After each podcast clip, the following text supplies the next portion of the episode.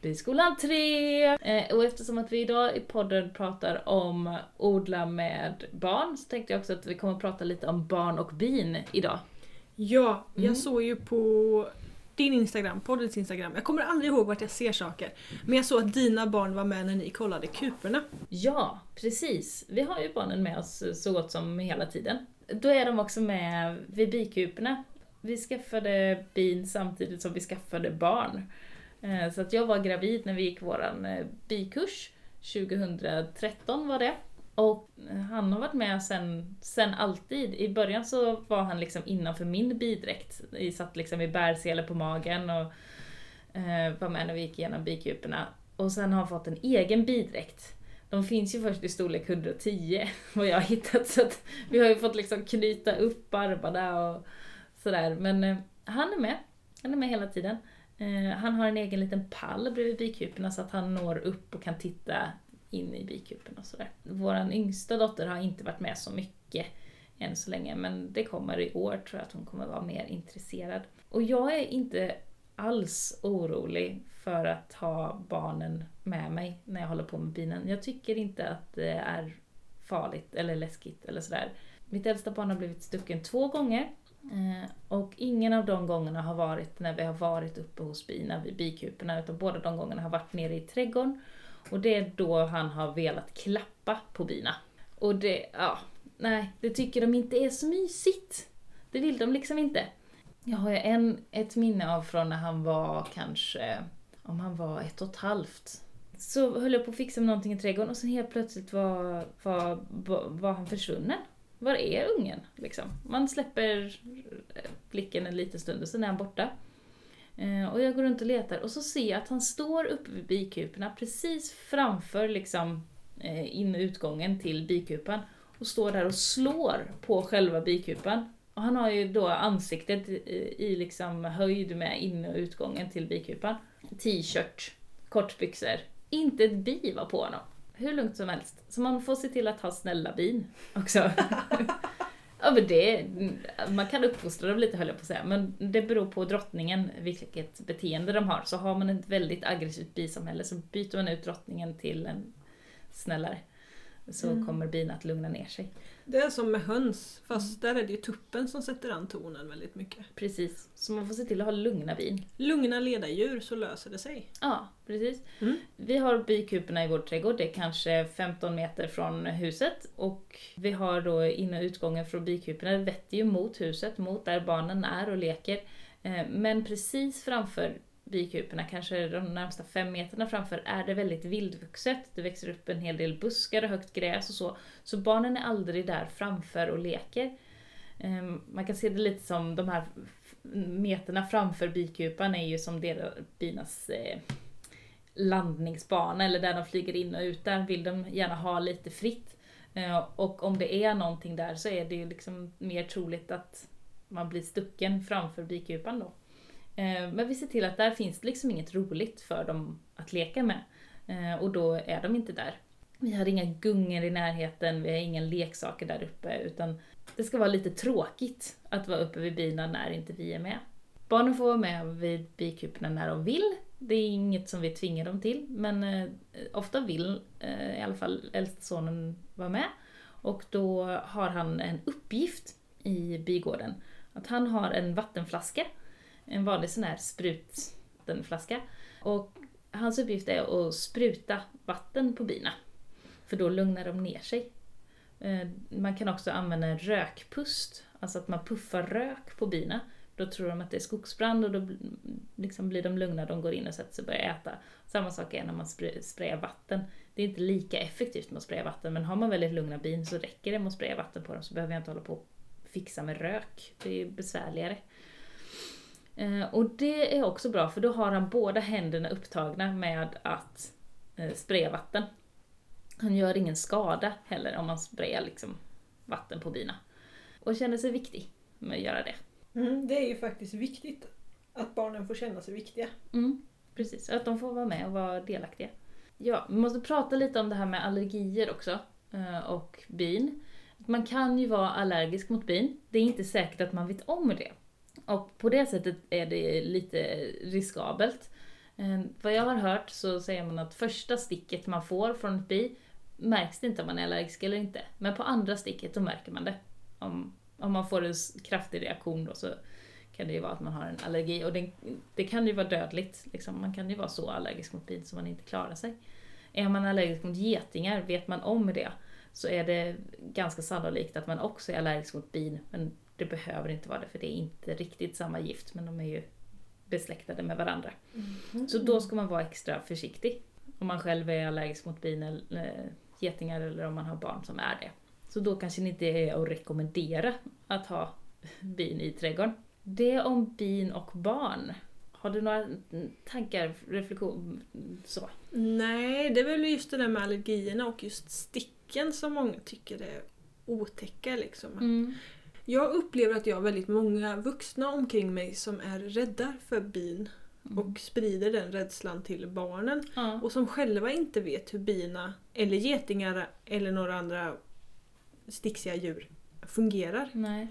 Alltså jag blir ju stucken flera gånger per sommar när jag går igenom bina. Oftast är det att jag råkar klämma något bi. Liksom. Eh, och då sticker det mig. Såklart.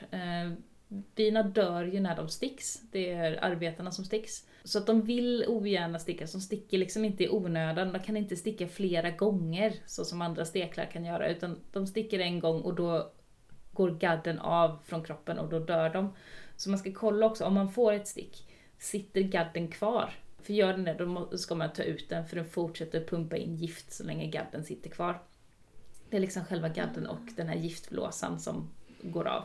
Så, och så har man till exempel, jag brukar ju ha diskhandskar på mig när jag går igenom bikuporna. Så då, då är det viktigt att kolla så att inte gadden sitter kvar i handsken eller någonting. Eller om de får liksom stick genom kläderna eller sånt, se till så att, de inte, att inte gadden sitter kvar i, i tyget. Men bin sticks inte bara sådär, utan det är om de verkligen känner sig hotade. Så man ska inte reta dem. Men annars är de inte farliga, de är inte aggressiva. Oftast. Ja men sen så gör det ju jätteont att bli stucken. Det är klart det gör. Eh, Jag blir ofta stucken på händerna. Det måste ju vara helt hopplöst. Ja, och jag, det liksom bränner till och gör eh, ont och sen så gör det lite mer ont, sen så går det ner och sen så går det ont, gör det ont igen. Alltså det kan ta några dagar där att det liksom svullnar upp och sen så blir det, mm, blir det Mm. bättre och sen så kommer det tillbaks och sådär.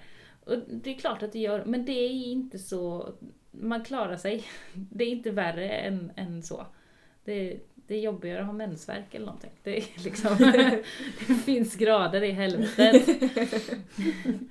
Så, och det är ju farligare, alltså det är fler som dör i trafiken än som dör av bin. Liksom. Ja, Så att eh, man får ju välja liksom sina, vad man är orolig för. Mm. Just nu i bigården så händer det väldigt mycket. För nu har ju våren äntligen kommit.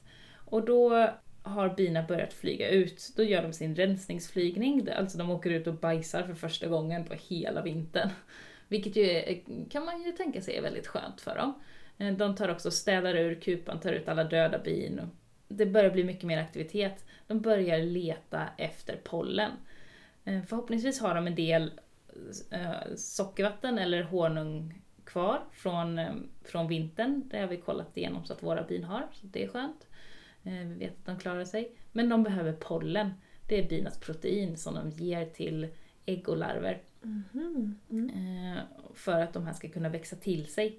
Eh, Och det är det som de är ute och letar nu bland alla blommor. Säljen är ju en av de första eh, som slår ut. Nu kommer väl allt slå ut samtidigt kan jag tänka mig eftersom att det har varit så sent. De vill ha pollen som är binas egna protein för att kunna mata sina yngel så att det förhoppningsvis ska bli fler bin. Och jag har med mig här, jag har med mig pollen, Mimmi, Ja! i den här lilla burken. Hör ni? ja! Här har jag plockat från förra året i våran bikupa.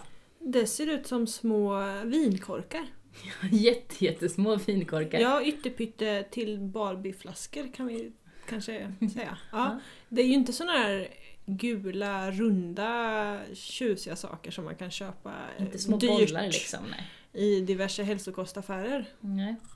Det ser ut som små, liksom, ja, små korvar, små kluttar liksom. Mm. Luktar nästan nypon. Det är mycket möjligt att det är nypon. Pollen kan ha väldigt Mm. olika färg. Just det här är mest gulbrunt sådär. Eh, Men det, det kan vara blått, det kan vara rött, det kan vara grönt. Det kan ha alla möjliga färger beroende på från vilka blommor det kommer. Och det innehåller ju väldigt mycket protein så det är väldigt dyrt med pollen. Det är många muskelbyggare och sånt som vill ha pollen.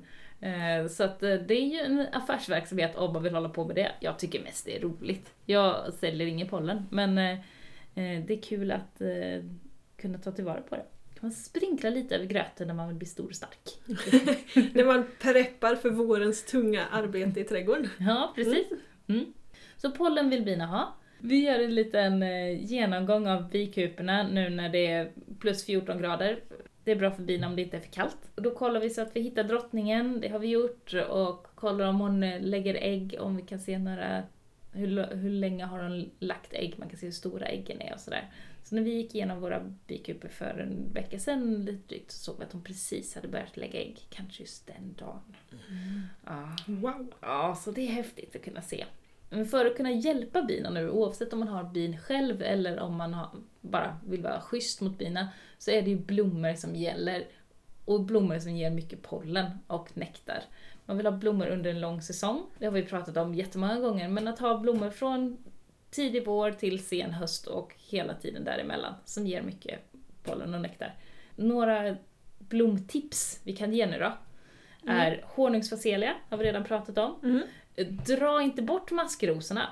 När de Nej, kommer. låt dem vara kvar! Ja, det är en av binas favoriter, maskrosor. Eh, olika former av lök, när löken blommar. Eh, alltså gräslök och sånt, sånt, det gillar de. Bärbuskar, framförallt hallon är en favorit. Man brukar prata om hallondraget, där bina drar in massa pollen och nektar från hallon.